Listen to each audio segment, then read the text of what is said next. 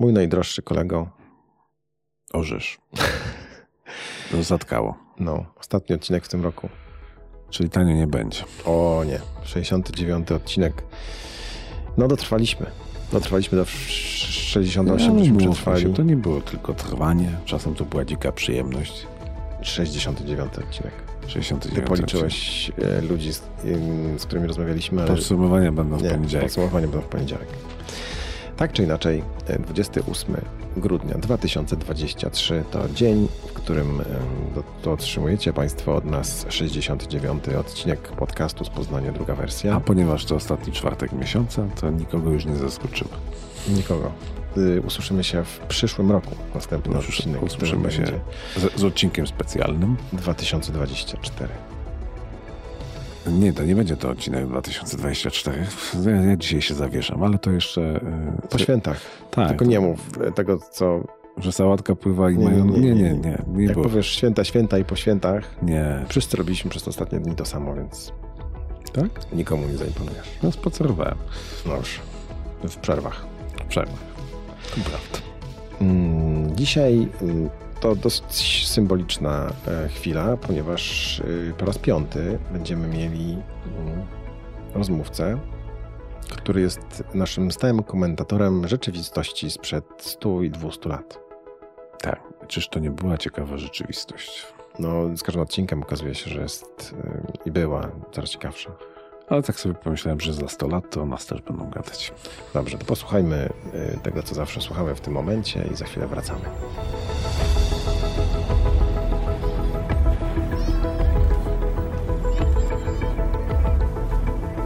Nagranie i produkcja podcastu szumstudio.pl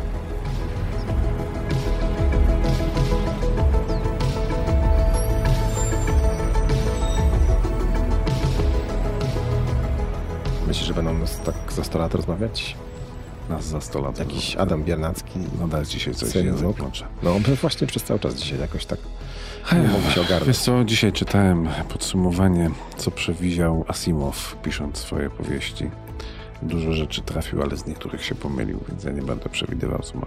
Co Przewidział, że telewizja ma dwóch prezesów. E, Oj, dzisiaj, dzisiaj widziałem fajne zestawienie, e, e, raport jak Ministerstwa Zdrowia o covid że dziś zarejestrowano 2158 nowych prezesów TVP, O, z czego 300 z Wielkopolski, tam 200 z Lubuskiego. ale zobacz, jakie to jest optymistyczne. Każdy może zostać prezesem TVP. No, nie, nie, nie każdy. Nie każdy. No Dobra. Nie każdy. Chciałbyś być prezesem TVP?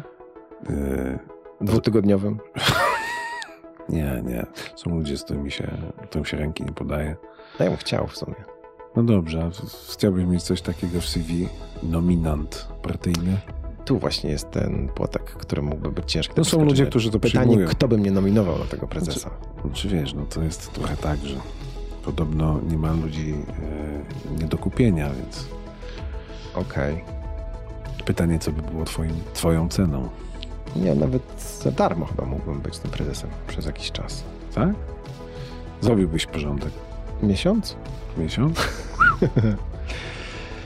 To byłoby czy- ciekawe. Proszę, to Her- Herkules. Herkules Mieliśmy, e, e, mieliśmy- czyścił Augiasza, Michał Tak. wyczyścił telewizję. Mieliśmy parę miesięcy temu prezydenta Poznania byłego, Ryszarda Grobelnego, który mówił, że jak przestał być prezydentem, to telefony ucichły. Więc ja myślę, że jakbym został prezesem telewizji, to mój To się telefon by się rozdzwoniły. rozgrzał. No znowu ucichł, ale ten, myślę, że ten miesiąc mógłby być wesoły. Ja cię muszę przestać nabijać, bo sam się znajdę niedługo w sytuacji e, czyszczenia.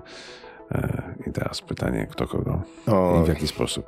obserwuję tę sytuację pilnie. E, Ty też zresztą. No, ja też. Musisz, ja też. Natomiast co do TVP, kurczę, no mam trochę takich e, e, spostrzeżeń, jak się porządni ludzie w TVP, bo jednak trochę się takiego stało. E, zaczynają bać, bo, bo niektórzy im nagle grożą. No to są to Szkoda jest by było. sytuacja, że mogą grozić ci wszyscy ze wszystkich stron tak, Tak. naprawdę, więc nie do pozazdroszczenia. Szkoda by było, bo to jednak jest też. Nie oglądam telewizji, albo prawie nie oglądam telewizji, ale są ludzie, którzy jej potrzebują. Nie gdybajmy już więcej. Wracamy do dzisiejszego odcinka. 69. Tak, będziemy rozmawiać o czasach, kiedy telewizji nie było. Ostatni odcinek w tym roku. I kogo będziemy dzisiaj słuchać? To. Zaskoczę cię, wiem. Wiesz, po raz piąty, właściwie nie po raz, y, no to błąd, wiem o tym. Wszyscy wiedzą. Tak? Tak. Piąty raz. Piąty raz. Piąty, raz będziemy słuchać Adama Biernackiego. To ja zapytam tylko, ile pytań zadałeś? My już tutaj się nie umawiamy na pytania. My się umawiamy na trasę. Dzisiaj ta trasa y, jest taka, że kończymy nasz spacer po cmentarzu zasłużonych, ale wychodziliśmy z niego przeróżnymi opowieściami i didaskaliami tyle razy, że on jest y, tylko w tle. To jest wyjątkowy odcinek obfitujący w wyjątkową ilość y, przeróżnych historii przedziwnych. Y, Od krawata, skąd się wziął, poprzez pierwszy w Polsce piorunochron, po kufry pogrzebowe, specjalne miejsce, gdzie może nie, nie, dobra, nie opowiadam. Bo to wszystko zresztą No, nas, widzieliście, przez następną godzinę będziesz opowiadał, mnie kusi. o czym będzie odcinek trwający godzinę. Chciałem opisać, e, o czym jest ten, ten odcinek w zapowiedzi tego odcinka, ale mm, nie mieściło mi się to wszystko, więc po prostu musicie tego posłuchać. Piąty raz Adam Biernacki, e, przewodnik PTTK z koła imienia Marcelego Młottego. Któremu się nigdy nie wyczerpują historie od Poznania, jak No. się okazuje. Zapinajcie pasy. Miesiąc w Odeonie. Miesiąc w. Odeonie. Na piekarach siedzieliśmy miesiąc w Dobrze Odeonie. się tu Sie- siedzi, nie? Siedzieliśmy, bo my na piwie siedzimy cały czas. No tak, Co ale czas już uciekać stąd. Tak jest, siedzimy u Lamberta. Y, Lambert, był taki pan Lambert w Poznaniu w XIX wieku i to jest bardzo ciekawa postać, bo to był człowiek nieprawdopodobnie skłonny do ryzyka. On chciał zostać biznesmenem, on chciał zostać y, takim, można powiedzieć, trochę finansistą, chciał zarobić pieniądze, a nie miał pieniędzy, a pieniądz robi pieniądz, więc on się potwornie zadłużył, ale wpadł na taki pomysł, którego nie miał nikt. Bo teraz pytanie, kim był Lambert? Y, To jest ciekawostka, bo jak się szuka informacji o Lambercie, no to tam y, różne imiona mu się przypisuje, więc ja zacząłem szukać w dwóch miejscach. y, W ogłoszeniach prasowych z XIX wieku i u Marcelego Mottego. W ogłoszeniach, o których, w których on pisze o doniesienie o sprzedaży piwa, bok trzy talary za beczkę, nie wiem ile, jaka to była beczka, tam ci miejscowi pewnie wiedzieli. Podpisuje To się piwo w jako dużych beczkach piwo w dużych beczkach, tak, no bo on zaczął, on zaczął robić piwo. On wziął się na sposób, i y, wymyślił coś, czego nie było w Poznaniu. Prawdopodobnie bardzo dobrze znał Niemcy, pewnie z pochodzenia był Niemcem. Dlaczego ja mówię prawdopodobnie? Bo on się podpisał Jan Lambert, ale w jednym miejscu jest podpisane Jean Lambert, Jean Lambert. Tak, to prawdopodobnie jest taki chochlik, prawdopodobnie Zecer się pomylił, chociaż czasami mu dają na imię różnie, prawda? Y, Szukałem u, szukałem u Mottego. Motty napisał, że y, znał, pamięta Lamberta, był krępy, gruby, łysy z wyłupiastymi oczami. Nie dał mu Motty na imię, powiedział, że to było indywiduum, prawda? Więc chyba nie, go, nie za bardzo go lubił, ale co jest ciekawe, pisze o nim, że pierwszy, y, że na, z początku Lambert miał browar przy, na, na narożniku ulicy Butelskiej i y, Ślusarskiej. To jest ciekawe, bo dzisiaj pozostałości browaru Lamberta są na tyłach kina Apollo. Czyli albo miał dwa, albo się Motty z kolei pomylił. Tak? No w każdym razie facet wpadł na pomysł, że zrobi sobie nie tylko browar, ale takie coś, co mieli Niemcy u siebie w Poznaniu, był, czyli Bierhalle, tak? czyli taka hala, gdzie się przychodzi na piwo, jest muzyka, jest operetka, w lecie jest y, ogródek, kawiarnie. Tak? I takie coś on za te pieniądze postawił, trafił w dziesiątkę. Zarobił na tym kupę pieniędzy i myśmy na ten, właśnie tam sobie poszli. No teraz jest pogoda jaka jest, posiedzieć, a od tysiąc... Czyli miesiąc spokojnie Tak, jest spokojnie, a od tysiąc, a dobrze, dobrze cyrklowo, dlatego że od 1810 roku Niemcy wprowadzili bardzo fajne e, świeckie święto, czyli Oktoberfest. Także on dodatkowo na tym, na tym zarabiał i, i się specjalizował, i piwo bawarskie, i takie, i owakie. Także wszyscy koso na niego patrzyli, no bo tam później, o nie, y, pod, na początku XX wieku od Lamberta Wykupiono, to, czy po, od spadkobierców Lamberta wykupiono ten Odeon i tam się, tam się ulokowało kino. E, Kino Apollo, w zasadzie dwa kina. Dwa kina, dwie sale kinowe spięte jedną e, salą projekcyjną, czyli pierwszy poznański multiplex. Drugie kino się nazywało Metropolis, bo tam właśnie była premiera Metropolis w Poznaniu. Fritz Lang przyjechał do Poznania, zachwycił się e, wieżą górnośląską i ta wieża, gdzie mieszkał ten technokrata w Metropolis jest wzorowana dokładnie na wieży górnośląskiej. Wychodzimy, prawda, i idziemy sobie na ten cmentarz z powrotem. No wracamy, no, wracamy na cmentarz. Le, spojrzenie y, w prawą stronę, bo idziemy do ulicy Święty Marcin, jest taka luka, tam była kamienica, którą sobie doktor Gąsiorowski postawił, tak? My dzisiaj o doktorze Gąsiorowskim będziemy sobie mówili. Idziemy, jesteśmy na tym cmentarzu. Ja nie wiem, czy myśmy po drodze idąc alejami y, Wielkopo, y, Ma- Marcinkowskiego, czyli alejami wilhelmowskimi, mówili o domu królowej Jadwigi. Chyba nie mówiliśmy, czy mówiliśmy? No w każdym razie to jest takie śmieszne, znaczy śmieszne. To jest na narożniku, to jest Aleje Wilhelmowskie 1, czy Aleje Marcinkowskiego 1. Tam był kiedyś hotel. Y, Polak to wykupił, no i tam było bardzo duże kasyno, taka ładna przes- przeszklona sala i tam się gromadzili polscy aktorzy, kiedy nie mogli już y, wystawiać swoich sztuk, bo y, pruskie władze zamknęły im teatr. Nazwano to Domem Królowej Jadwigi. To równie dobrze mogli, mogli sobie napisać jedna wielka konspiracja nad wejściem, prawda? Bo wiadomo, co to było. Już Prusacy nawet ręką na tym machnęli. To było tak po prostu potwornie nieudolne, no a niech sobie deklamują te, te dziady czy coś takiego. Tym już się nikt nie przejmował. No i to był właśnie Dom Królowej Jadwigi. No to, to jest tak fajnie, prawda? Oto robimy tutaj coś nielegalnego, tak? Idziemy sobie na górę, wchodzimy... Legalną konspirację robimy. Tak, ale, ale to, to było tak, to taki, taki Monty Python, takie śmieszne, prawda? Jak, jak z hiszpańską inkwizycją. Nikt nic nie wie. Nikt nic nie wie. E, Wchodzimy sobie znowu przez tą naszą bramę. Jesteśmy e, przy tej kwaterze nauczycielek i e, następny krzyż, który nam się rzuca w oczy, to jest grób e, takiego fajnego pana, który mieszkał w Poznaniu, nazywał się Konstanty Żupański. Nam się to kojarzy bardzo pozytywnie z antykwariatem, no bo to był, to był gość, to był człowiek naprawdę o gołębim sercu. Skąd on się wziął? E, To jest z pochodzenia Grek. Ale tu jest taka tajemnica. że- Żupański? Żupański jest z pochodzenia Grek. Ciekawostka. Bo ta jego rodzina się Żupanos nazywała albo Zupanos się nazywała, prawda? Z tym, że No to jest z tym udawaniem Greka, taka ciekawostka.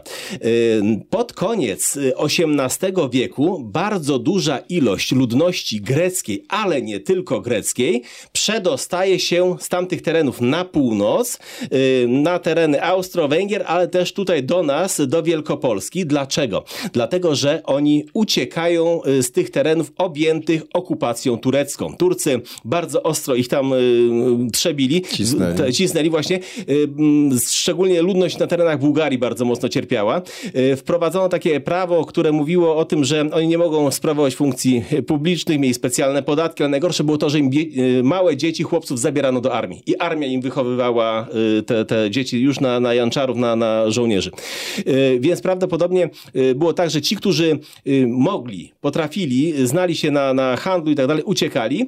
No i to byli bardzo dobrzy fachowcy. Jest takie podejrzenie. Stąd jest właśnie to podejrzenie, że rodzina Żupańskiego mogła pochodzić z Mołdawii. W niektórych opracowaniach tak jest, ale my wierzymy, że on był Grekiem, bo on sam powiedział, że jest Grekiem. Sam to powiedział. mógł sobie wybrać. Tak, i sobie, no ale co, co jest ciekawe, i on, oni sobie spolszczyli nazwisko na Żupański. I co? Yy, dlaczego Grek? Dlatego, że tamtejsza ludność jako takiego języka komunikacyjnego używała języka greckiego. Jakiej by narodowości nie było, zwłaszcza ci wykształceni. Więc biegle znali Grekę w y, mowie i w piśmie, tak? I mogli sobie spokojnie udawać tego Greka, czyli i oni dlatego w Poznaniu byli nazywani Grekami. Jakiej by narodowości nie, bo mówił po grecku. Z kolei ludność poznańska, ta wykształcona, nie miała problemu. Czemu? Bo się w gimnazjum uczono bardzo ostro łaciny i greki klasycznej. I to bardzo, bardzo długo się uczono. Jak się czyta Karola Borcharta, y, Krążownik z Podsumosiery, tam jest taka, taki rozdział plamoznik o takim y, naukowcu, takim pracowniku naukowym, który y, z punktu, chce poznać świat z punktu zwykłego takiego marynarza, zatrudnia się jako taka pomoc w intendenturze i nikt nic nie wie na samym początku. On potem się przedstawia, jakie ma wykształcenie, ale jak są w Grecji, tym, tymi transatlantykami jak pływali, to on z tamtymi ludźmi mówił właśnie płynną greką i dlatego nikt go nie oszukiwał, wszyscy go bardzo ładnie szanowali, tak? I w związku z tym on y, no, zdobywał sobie tą, tą karierę później, te, te szczeble kariery pokonywał. I Żupański, no Żupa, y, stąd się wzięła rodzina Żupańskich. Handlowali przede wszystkim winem. Nie tylko, prawda, bo też różnymi dobrymi rzeczami. Jak tacy ludzie byli traktowani? No i dobrze, i niedobrze, bo byli potworną konkurencją dla miejscowych, tak? A kupcy polscy w każdej epoce zawsze tępili tą konkurencję. Tamci byli po prostu lepsi, bo Grecy handlowali winem, bakaliami, prawda, yy, na przykład yy, przyprawy przywozili. Yy, Ormianie również, tak? Czym się różnili Ormianie od Greków? Tym, że Grecy sprowadzali swoje rodziny i się osiedlali i się żenili, a Ormianie nie. I dlatego Ormianie, Ormianie jeszcze dodatkowo przywozili elegancką broń i bardzo dobre tkaniny, czy jedwabie, czy safian. Właśnie paniom się ten safian podobał, bo to taka cienka skórka na, na rękawiczki, na, na to wszystko, prawda? No i Polacy, jak Polacy robili im pod górę. Doszło do tego, że polska ludność profanowała na przykład groby yy, greckie, prawda? Bo oni chcieli tutaj też wprowadzić swoją religię i na przykład yy, w tej kamienicy narożnej, która jest na yy, skraju y, Starego Rynku, to jest numer 68, tam była kaplica grekokatolicka. To jest 68, potem się przenieśli pod 72, a potem na ulicę Nową, czyli dzisiejszą Paderewskiego. I ten y, Konstanty Żupański już się urodził y, w Poznaniu, tak? Wybierzmy sobie kiedy, bo są trzy daty poznane. 1803, 4 i 6. Także komu jak pasuje. Tak No się urodził. różnica. Ale chociaż wiemy gdzie. Urodził się tam, gdzie dzisiaj jest punkt informacji turystycznej na Starym Rynku w Poznaniu. Tam mieszkał. E, Na początku miał być prawnikiem, po gimnazjum poznańskim wyjeżdża do, do Berlina, tam się uczy, zostaje prawnikiem, pracuje w sądzie, no ale to jest takie, ja nie wiem, coś ten e, prawnika wtedy w sobie miał, że ludzie tak ci, e, nie chciałbym powiedzieć inteligentniejsi, ale ci bardziej wrażliwi, prawda, E, odpuszczali to sobie. I Żupański tak po, trochę zaczyna być tłumaczem, zaczyna być publicystą, e, wraca do Poznania i po jakimś czasie on sobie, on ma z czego żyć, on jest bajecznie bogatym człowiekiem po, po swojej rodzinie. E, Odcina sobie od tego kupony, zostaje wydawcą, zostaje sobie, otwiera sobie księgarnię, wydawnictwo i tak dalej. I zaczyna drukować wszystkim Polakom w czasie tego zaboru to, co oni napiszą. Czasami dobre rzeczy, czasami kompletną grafomanię. I teraz różnie go ludzie traktują, bo tacy ludzie jak na przykład Sienkiewicz czy Kraszewski. Kraszewski sobie potem swoją drukarnię otworzył y, u, u wylotu ulicy Podgórnej. No to oni chcieli, oni byli zażarci na pieniądze. Obydwaj. I Sienkiewicz No, i- konkurencji nikt nie lubi, nie Właśnie to. A druga sprawa, ale byli też tacy, no, którym o pieniądze nie chodziło za bardzo, ale o idei, to była Bibiana Moraczewska, bo ona wierzyła święcie w swego brata, który potem umarł, tak? I ona odczuła psychosomatycznie nawet tą jego chorobę. Tak samo opisuje swoje objawy, że tam widziałam pręgę gorączki na jego twarzy, potem sama tak za nie mogła. Długo do siebie dochodziła, więc jak ona go spotkała na ulicy za każdym razem, a on coś wydał nie tak jak trzeba, albo było dobrze, albo niedobrze. I ona była babka taka, że w krótkich żołnierskich, bez przekleństw, ale w krótkich żołnierskich słowach mu tłumaczyła, czego on nie powinien robić, więc on ją prawdopodobnie gdzieś tam omijał na tych ulicach po jakimś czasie. Recenzowała Tak jest i to na głos. Natomiast y, najciekawszy był Lelevel, prawda? Bo Lelevel dawał mu to y, wszystko do y, drukowania, ale Lelevel był kompletnym nędzarzem. I od, Motty też kiedyś odwiedził Lelevela za granicą. Mówi, że wszedł na takie poddasze, gdzie Lelevel mieszkał, tam nie było pieca, tam była rura od komina, to go grzała, totalna bieda i tak dalej, jakieś tam bil- beloty. Le, był bardzo takim y, zbieraczem medali, y, numizmatów, pełno tego miał, a jeść nie miał co. Przyjeżdża do niego Żupański z plikiem pieniędzy, ale Lewel do niego mówi, słuchaj, weź sobie schowaj te pieniądze, przecież ja wiem, że ty na tym nic nie zarabiasz. I Motty pisze, że on miał taką, y, no taką pakamerę, taką, taką skrytkę, która była totalnie zawalona tymi drukami, tymi wierszami pisanymi, prawda, przez tych patriotów i tak. No co się nadawało, to się nadawało, a co się nie nadawało, no to się kompletnie nie nadawało i taka jest prawda, nie? No i Żupański, co mógł, to robił, prawda, ponosił te ciężary finansowe, ale on całkiem dobrze żył też z różnych innych rzeczy. Wydawał no, wszystko, co się pokazywało i wszystko, co było na topie i po jakimś czasie on odniósł sukces jako, jako wydawca. To jest taka ciekawostka, prawda? Y, Kiedy Żupański się y, ożenił y, też z kobietą pochodzenia greckiego i kiedy Żupański umarł, co jest ciekawe, to został pochowany na cmentarzu y, świętomarcińskim, tym staromarcińskim, tych powązkach poznańskich, które już nie istnieją. Tam jest teraz Park Słowackiego, ale w obrządku grecko-katolickim. Tak? Także mieli, mieli tą, tą, ten swój obrządek. Raz się udało, y, znowu polska konkurencja ukróciła to.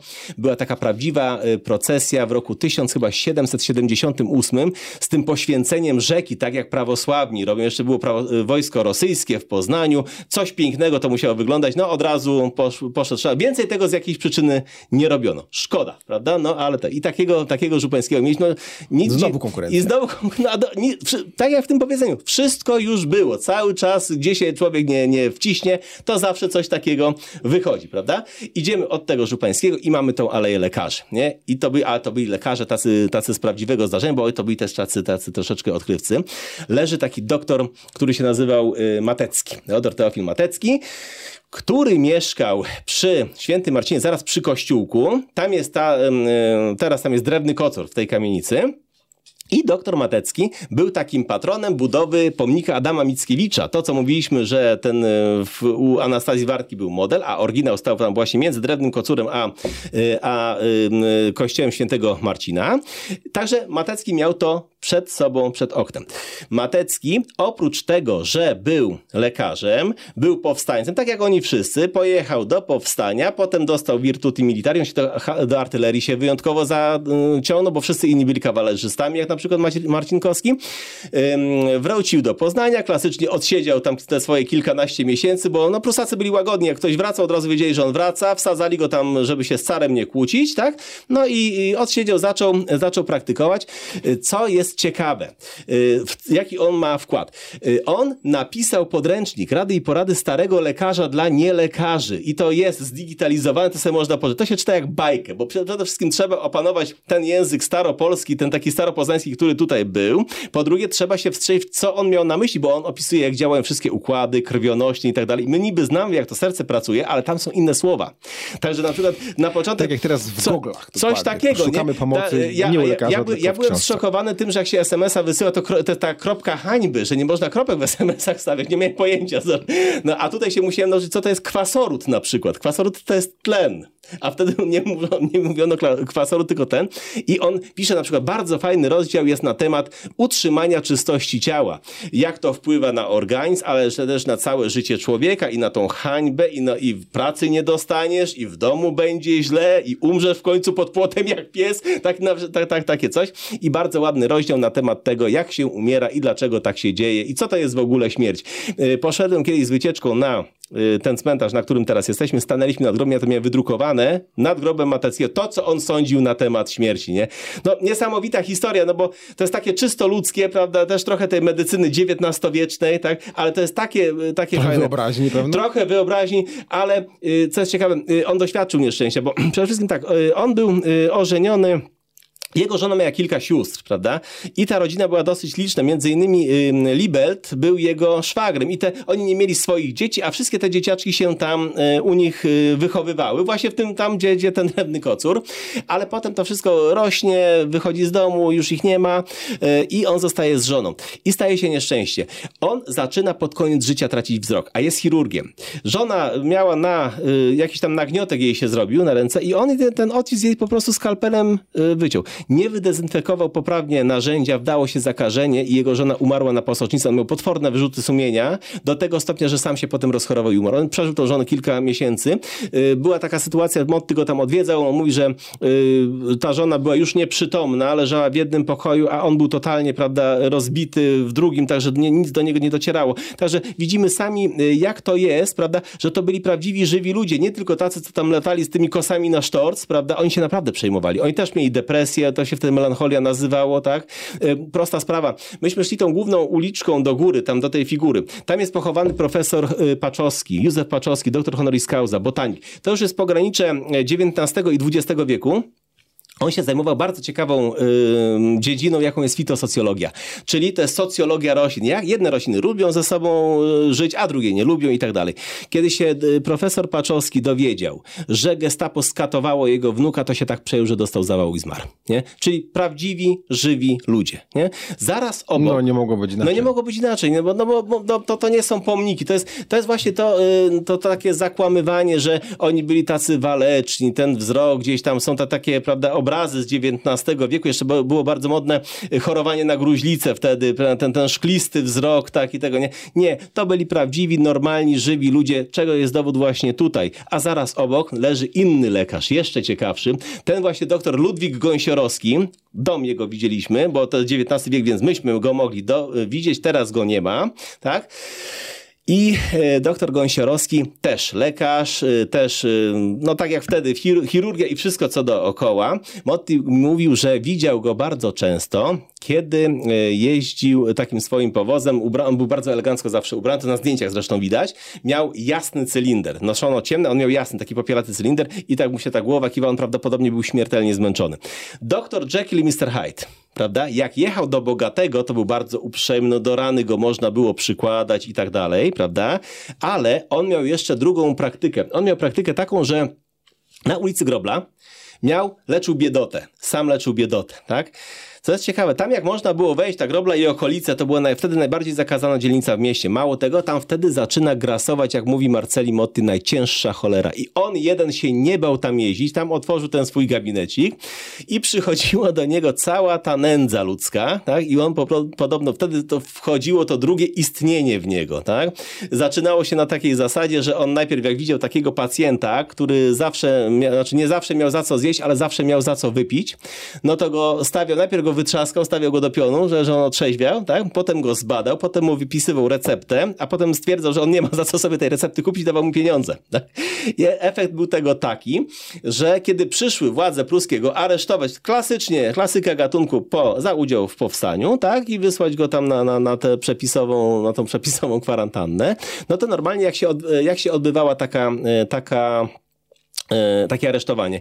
Przychodził żandarm w towarzystwie jednego żołnierza z karabinem, odczytywał wyrok, zabierali gościa i było po sprawie skończonej. Tutaj było trzeba obstawić wojskiem ulicę, bo byli świadomi yy, Prusacy, że jak tam pójdzie dwóch ludzi, to ich miejscowi w Warcie, w, w, w, znaczy w Warcie, tam, tam w ogóle nie, to oni mogą nie wyjść już stamtąd i na takiej zasadzie on był, to był swój człowiek, prawda? Nie? No bo to był jedyny lekarz, jakiego oni widzieli na oczy, prawda? I to był właśnie doktor Ludwik Gąsiorowski. Jeszcze taką ciekawostkę powiem później na, na, na koniec, bo on dostał bardzo ważną funkcję w Poznaniu, nie? No ale co?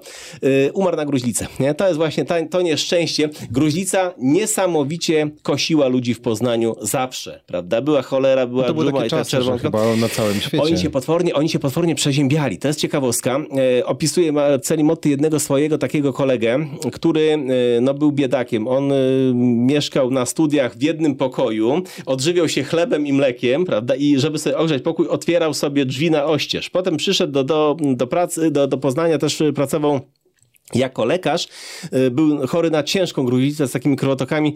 Y, było tak, że jego żona y, zobaczyła przez okno, zobaczyła przez okno zbiegowisko na ulicy, myśleli, że pijaka jakiegoś znaleźli, a to jej mąż się właśnie wykrwawiał na ten gruźliczy krwotok właśnie. Także to, to, to były potworne rzeczy. Libelt pisze w jednym z listów swoich, że o takim małym chłopcu, że jest mu niezwykle żal, że on niedługo, że ten, ten synek znajomych niedługo umrze. Oni już po prostu to wiedzieli, nie? Te, te, to zapadanie się płuc, prawda? Ten Kaźmisz, prawda, y, Jarochowski, y, kolega Mottego, y, czy, czy ci wszyscy inni, to właśnie to, to było takie coś, że, że oni wiecznie byli chorzy. Stąd się wzięły na przykład te wynalazki, jak się ludzie ubierali. Dzisiaj krawat to jest element elegancji, prawda, a kiedyś krawat się nosiło po to, żeby gardło owijać, tak? Te wszystkie, wszystkie wynalazki związane z takim z do, do, docieplaniem się, tak, dokładnie takie coś.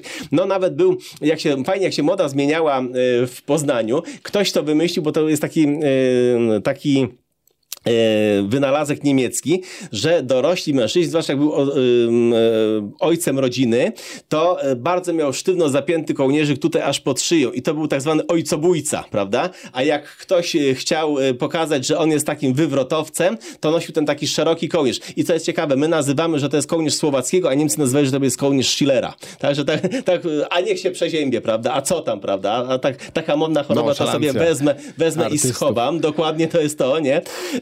I e, co jest ciekawe, że, że ludzie panicznie e, zaczęli e, w pewnym momencie bać się śmierci. Jesteśmy tutaj na, tym, na tej alejce tych lekarzy. Mamy no, następnego lekarza, który zaraz obok leży. Kto, no teraz jakby zadać mieszkańcom Poznania pytanie, kto z Państwa nie był w szpitalu Krysiewicza, ręka do góry, to nic nie zobaczymy, prawda? Albo jako dziecko, albo jako rodzic, każdy zaliczył Krysiewicza. Leży Bolesław Krysiewicz. Leży sobie tutaj, zaraz obok, prawda?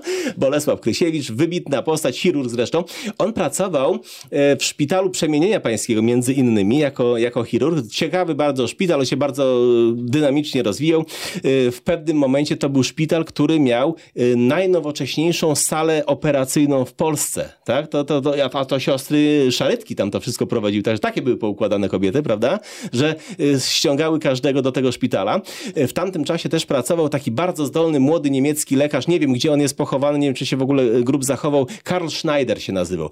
To był bliski kumpel Marcinkowskiego ze studiów, przyjechał tutaj i we dwóch leczyli biedotę. W pewnym momencie Schneider zaraził się tyfusem plamistym i umarł Marcinkowskiemu na rękach, Marcinkowski płakał na głos, nie potrafił mu y, pomóc. Nie? Także takich lekarzy była cała, cała masa. No i potem y, ten doktor ten doktor, właśnie wracamy z powrotem do tego doktora Krysiewicza, yy, zostaje właśnie takim, o, zajmuje się dziećmi, leczy, leczy choroby dziecięce i pracuje w szpitalu świętego Józefa, który tak się dawniej nazywał ten szpital Krysiewicza i za jego czasów to też przeżywa rozkwit. Kiedy przyjeżdżała Helena Modrzejewska do Poznania, to za każdym razem, jak ona wyjeżdżała, to cud się stawał po jakimś czasie, bo y, rozkwitał ten, tam się coś, taka wielka orkiestra świątecznej pomocy i po jakimś czasie się okazało, że to głęboko sięgała Modrzejewska do kieszeni, y, pewnie dlatego, że ona no raz, że miała dwójkę dzieci i ta młodsza córeczka jej umarła w dramatycznych okolicznościach. My nie wiemy, ona pisze w swoich pamiętnikach, że tylko, że jej umarła nie? Nic więcej nie jest ona bardzo kwieciście Modrzejewska pisze o różnych y, zdarzeniach, bo jest taka, taką bystrą obserwatorem, a to pisze tylko, że umarła i koniec. I, i nawet, nawet nic takiego się nie może człowiek dowiedzieć. Prawdopodobnie w filmie o Modrzejewskiej jest taka sugestia, że umarła ta dziewczynka na zapalenie mózgu. Mo, to jest możliwe, dlatego, że wtedy też panowała wszawica. Yy, powszechnie. No, yy, kobieta, jak myła głowę, Raz na dwa tygodnie to było często. Dlatego zwróćmy uwagę, że starsze panie miały te takie różne loczki, ale miały krótkie włosy, nie? Yy, ta, pamiętamy tą Sissy de Junge Kaiserin, prawda? Jak ona myła głowę cesarzowa, to cały dzień miała zajęty, tak? Bo najpierw było trzeba to umyć żółtkami yy, z jajek i tak dalej. Potem yy, damy dworu takimi dmuchawkami, jak yy, mają na przykład pszczelarze, te takie ręczne, albo do, do, do kominków czasami są. To tak, to, było, to były takie suszarki, tak? I to suszono, no, a mimo wszystko ta, ta przewica była bardzo powszechna i nie wiem, czy to, to była jedna przyczyna właśnie tego, że, że tak się chorowało. Druga przyczyna y, była taka, że był tyfus, też przez y, wszy y, roznoszony i jest taki moment, kiedy y, Modrzejewska nosi perukę, to jest ciężkie do zauważenia, ale ona ją nosi, bo była ogolona na łyso, bo też chorowała na, też chorowała na, na tyfus. Bardzo ciekawa choroba, na którą zmarła. Jeżeli jesteśmy na cmentarzu, mówimy o sztuce funeralnej i jak została pochowana, też ewenement, bo to był taki powiew Ameryki w Polsce. Umarła Helena Modrzejewska na chorobę Brighta. Dzisiaj się mówi o nefropatii, ale w tamtych czasach y, choroba Brighta, tak to było nazywane, to jest choroba nerek, ciężka, przewlekła, wtedy śmiertelna choroba nerek, która się rozwijała na bazie innej choroby i w Stanach Zjednoczonych na bazie szkarlatyny w tamtym czasie. Podstępna, dawała dziwne objawy, Modrzejewską bolała głowa, bolała ją gardło, a tak naprawdę chorowały nerki. Co się dzieje? Kiedy organizm się broni przed y, chorobą, wytwarza przeciwciała. Te przeciwciała gromadziły się w nerkach, nie znajdując ujścia. My dzisiaj, dzisiaj y, lekarze potrafią to leczyć, ale wtedy nie. To jest tak potworna choroba, że im ktoś jest silniejszy, tym dłużej umiera. I e, Modrzejewska konała równy tydzień, prawda? To jest data śmierci, to jest chyba 8 kwietnia 1909 rok, ale jak ją pochowano? Amerykanie mieli rewelacyjny wynalazek. Kufer pogrzebowy. Kufer pogrzebowy, czyli yy, to była rodzaj trumny. Wtedy wielu Amerykanów mieszkało gdzie indziej, a pracowało gdzie indziej, tak? I yy, nie było kremacji, tak? Później weszła, wyszło to słynne balsamowanie, że w Stanach każdy jest balsamowany. Znaczy to nie jest taka egipska balsamacja, tylko tam się wprowadza do, do krwiobiegu różne rzeczy. Yy, to była trumna odlewana z metalu, a więc hermetyczna, najczęściej z żeliwa, chociaż były też inne. I yy, znajoma Modrzejewskiej mówi, że ona była pochowana y, w trumnie metalowej. Jeszcze niedawno sprawdziłem, czy na zdjęciu z pogrzebu to faktycznie tak wygląda. Teraz w Stanach Instytut Smithsoniański się zajmuje badaniem tego rodzaju pochówków, bo tam się reweluje rewelacyjnie przechowują zmarli. Niedawno znaleziono w Stanach Zjednoczonych y, dziewczynkę dwuletnią, tak się ładnie przechowała w tej trumience, że nawet krzyż wykonany z kwiatków, takich drobnych, on się zachował. Oczywiście się zmienia troszeczkę barwa na taką brunatą, bo to są kwasy humusowe w każdym jednym grobie, ale oni są jak żywi, ci ludzie, tak? Czyli możemy mieć nadzieję... Trochę przerażające.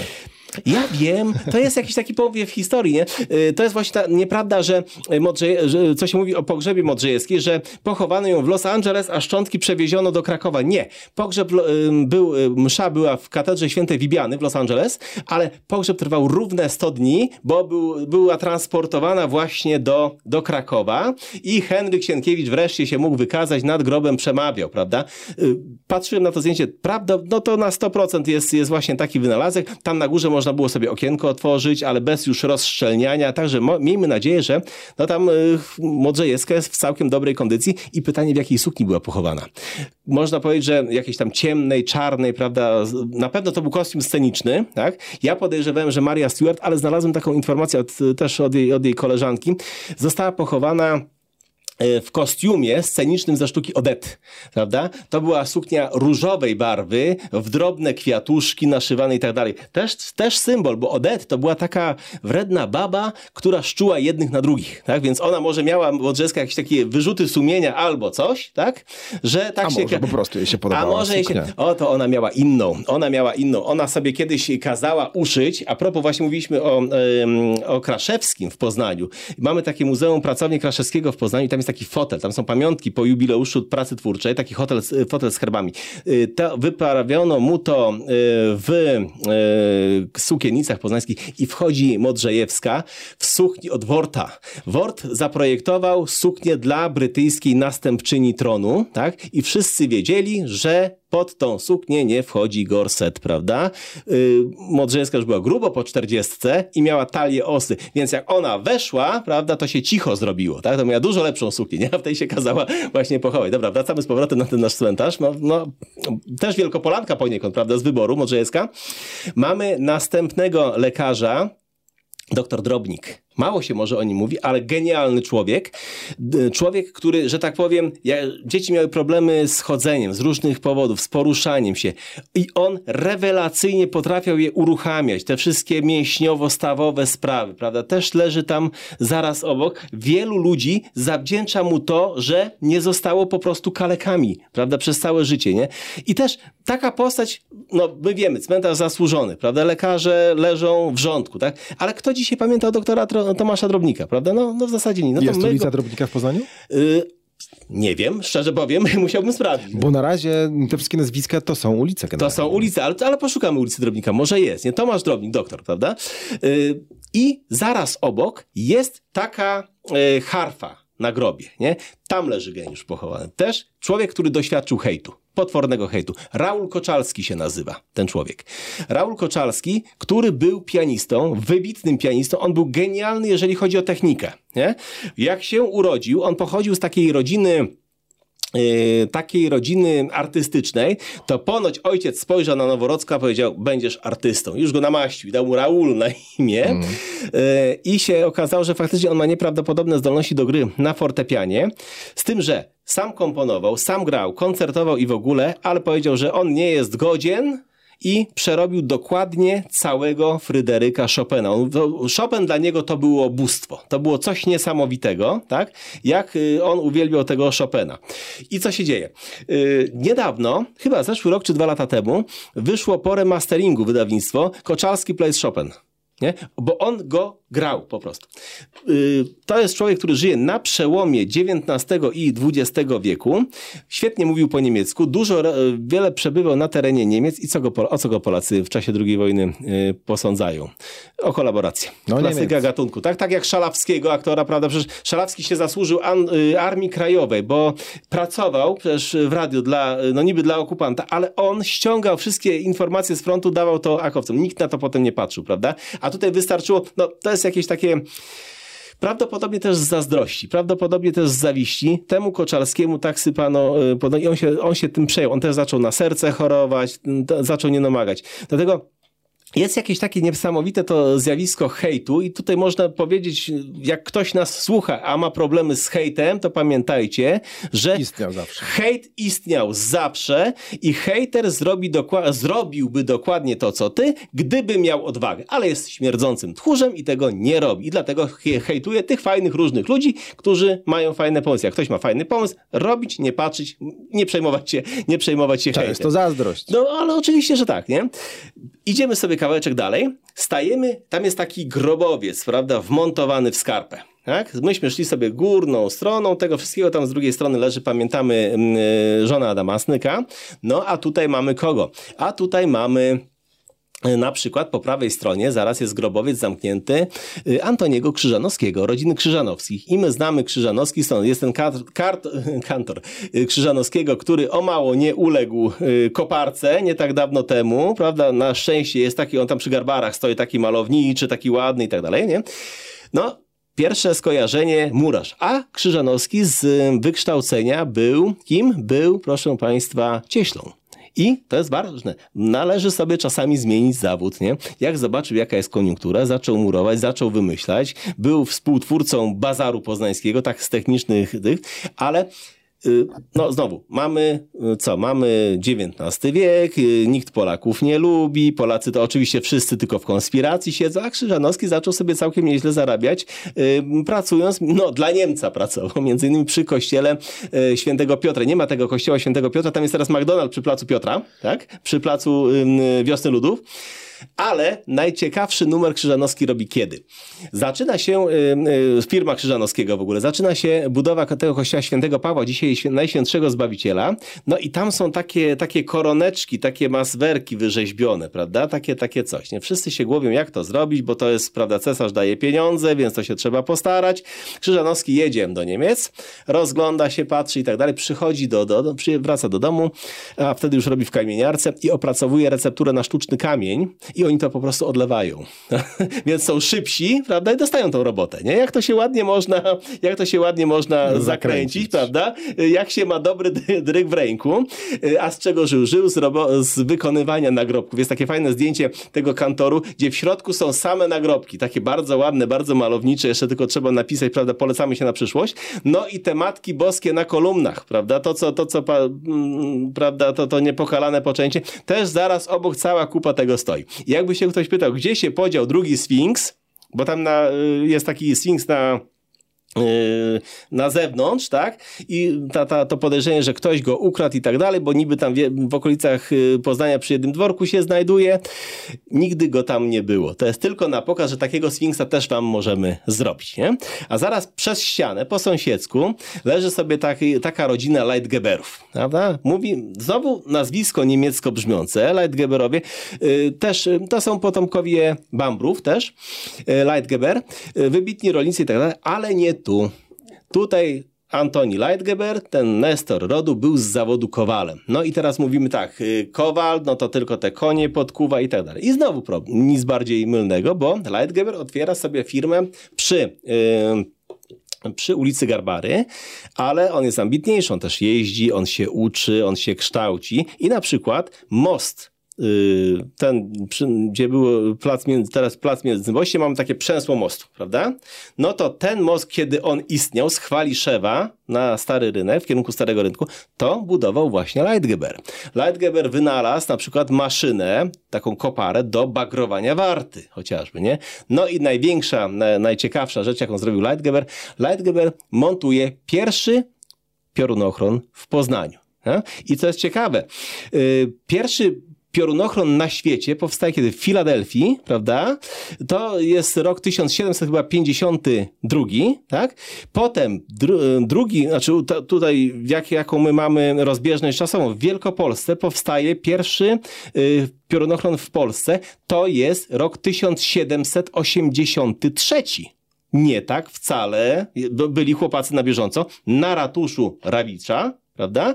Natomiast ten tu, 10 lat później, Komisja Dobrego Porządku porządkuje miasto, cały rynek musi być uporządkowany, drewniane budy wyjazd, kamienice dostają zamiast zgonta dach dachówki i jest odbudowywana wieża ratusza. Nie? I tego ja musiałem sobie spiąć te parę rzeczy, ale wygląda na to, że to był właśnie ten piorunochron, bo wtedy ratusz dostaje tego białego orła na górze, prawda? Co potem Niemcy mówili, że to w sumie nie jest orzeł y, polski, no bo ta, ten układ skrzydeł i tak dalej, a tam w środku były te wszystkie pochowane te kapsuły czasu i wtedy właśnie ratusz dostaje piorunochron. I to jest też robota Leitgebera. No ale Leitgeber to jest y, finansista. On powiedział, że y, trzeba, że on zarabia pieniądze, tak jak ci y, amerykańscy, prawda, biznesmeni, którzy mówili, że jeżeli cały czas pracujesz, to nie masz czasu na zarabianie pieniędzy. prawda?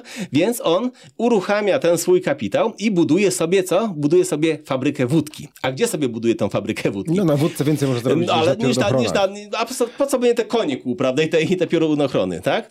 Yy, gdzie on to ma, miał tą bu- fabrykę wódki? Na brzegu Warty. Schodzimy z Chwaliszewa w kierunku yy, już z mostu i po lewej stronie taki malowniczy budyneczek z wieżyczkami, to była fabryka wódki Leitgebera, tak? Wódka na wodzie zwarty?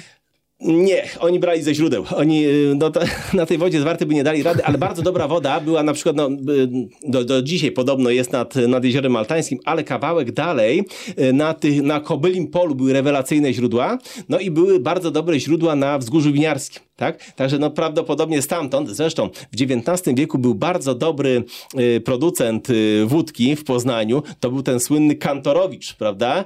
Był, dwóch takich byli, w Lwowie był Baczewski, a Kantorowicz był w Poznaniu, nie? I to było naprawdę, kurcze pieczone coś, nie? To, to nie było... To te- marka. No, to- to- Baczewski to się było- ostał. No, no Baczewski się ostał, no a Kantorowicz, no to później y, to była też taka sytuacja, że tam zaczęły, bo rodzina wybiera, prawda? Męska linia wybiera, nie? No i jest, y, jest ten problem. No a Kantorowicz, y, y, znaczy Baczewskiego ja nawet widziałem niedawno w sklepie, no, nie wiem, czy to oni tylko markę mają, czy, y, czy to są naprawdę te, te receptury, no to jest, to jest wszystko do sprawdzenia. Mało tego. Nie wystarcza to. Jeszcze produkcja wódki jest e, za, cięż, za ciężką e, pracą, tak? E, zajmujemy się handlem. No, już pierwszy Leitgeber jest troszkę stary. Dzieci przejmują, ale zaczynają handlować towarami kolonialnymi i cygarami, prawda? Wtedy wchodzą cygara, bo jak, jaki, by- jaka była ewolucja tytoniu w, w spożyciu, że tak powiem? Najpierw była tabaka, tak? Za tych wszystkich Ludwików i tak dalej. Potem była fajka. I Polacy, mówiliśmy, zdaje się, nauczyli się palić od Niemców, bo Polacy byli takimi abstynentami, tak? Ale Niemcy palili te piękne, takie ozdobne Tytoniowymi. fajki tytoniowymi, tak? Ym, y, Motty już palił, tak? Nawet mówił, że, że palił taki tytoń, który się nazywał Dreikönig Knaster i Kuba Knaster po ileś tam fenił, taką taniochę palił, bo Knaster to była taka krajanka tytoniowa, nie stać go było, był studentem 17 lat, no i, i takie rzeczy popalali chłopacy e, wtedy. Potem zaczynają się cygara, ale cygara nie wyglądały na początku tak, jak teraz wyglądają cygara, tylko to były takie nieforemne e, zwitki tytoniu na takiej jakby trzcince. Dopiero potem to się wykształciło. No i potem wchodzi era papierosów. E, Co jest ciekawe, że są specjalnie reklamowane papierosy dla pań, bo to odchudza, bo panie chcą mieć tak, no to, to odchudza, wiemy czemu teraz to odchudza, prawda? Nie? Ale jest ciekawostka. Przez pewien czas lekarze zalecali palenie papierosów astmatykom. Były specjalne papierosy dla astmatyków. Jeszcze na- nawet... No, no, No i to trwało długo, do tak, 50., tak, to, to, 60. to jest lat. ciekawostka właśnie, że były papierosy dla astmatyków, nie? To jest to. Więc towary kolonialne. No i wreszcie, co? Wreszcie rodzina Leitgebera otwiera palarnię kawy w Poznaniu. Ale to nie Zastra, nie? Ona się znajdowała gdzieś tutaj w pobliżu Starego Rynku, prawda? Na skrzyżowaniu właśnie chyba przy ulicy Wodnej, czy gdzieś tutaj, nie, na, w jednym z tych narożników. Ja się starałem to znaleźć, ale też nie, że działkę kupili i jest taka księga rzemiosła i handlu i jest, są nawet zdjęcia, jak to w środku wygląda. Bardzo nowocześnie, jak na tamte, jak na tamte czasy. I rodzina Leitgeberów to bardzo długo z tego No bo kawa, no to już jest fa- fajna sprawa, bezpiecznie, każdy kupi więcej niż tej wódki nawet. A propos wódki, to zaraz coś mi się przypomniało. E, I, e, i na, tym, na tym żył. No ale potem to już się robi coraz lepiej. To już są księgarze, to już są Leitgeberowie wydawcy, dziennikarze i tak dalej. Coraz, pieniądz robi e, pieniądz, pieniądz to robi pieniądz. To już możemy sobie ten. A, a propos tej wódki, prawda? To na cmentarzu, a propos wódki i lekarzy, leży taki pan profesor, który się nazywa lekarz, Paweł Gantkowski. Nie? No i on był ym, pracownikiem naukowym na Uniwersytecie w Poznaniu, bardzo dobry człowiek. Ba- On bardzo dużo pomógł tym wszystkim organizacjom kobiecym. Jak kobiety coś tam chciały, na przykład te, te siostry tułodzieckie, y, chciały sobie coś tam uruchomić, gdzieś tam zawalczyć, za- to nigdy nie było ostracyzmu ze strony Gantkowskiego. On swoim autorytetem to y, potwierdzał i tak dalej. Był higienistą, więc y, no, Poznań zawsze potrzebował takich ludzi, którzy się zajmowali higieną, ale co jest ciekawe, on odniósł bardzo duże sukcesy zawodowe za wyjątkiem jednego. On starał się wyplenić alkoholizm w Poznaniu. I tutaj wyszło mu średnio, czyli znowu wszystko już Walka z było, prawda? wszystko, wszystko już było i to też było, prawda? I to mu się, prawda, nie udało do A końca. jak on to chciał zrobić? No, tego się, ideę? tego się nie tak, no, że, że, że sport, że, że to, że tam, to, tak jak dzisiaj, prawda? No, to chciał nauczyć ludzi, ludzi Chciał, nie że tak, że można się bawić To bez ciężko. tego, że można żyć bez zadanie. bo to też e, straszono chorobami na przykład, nie? Biedą, nędzą, wszystko, ale to nie przejdzie. To, to wiadomo, że to nie. No, a, a dzisiaj co jest? Nie? To, to, to powiedzieć jednemu drugiemu, że a no tam moja za swoje pije, prawda? To, tak się tego.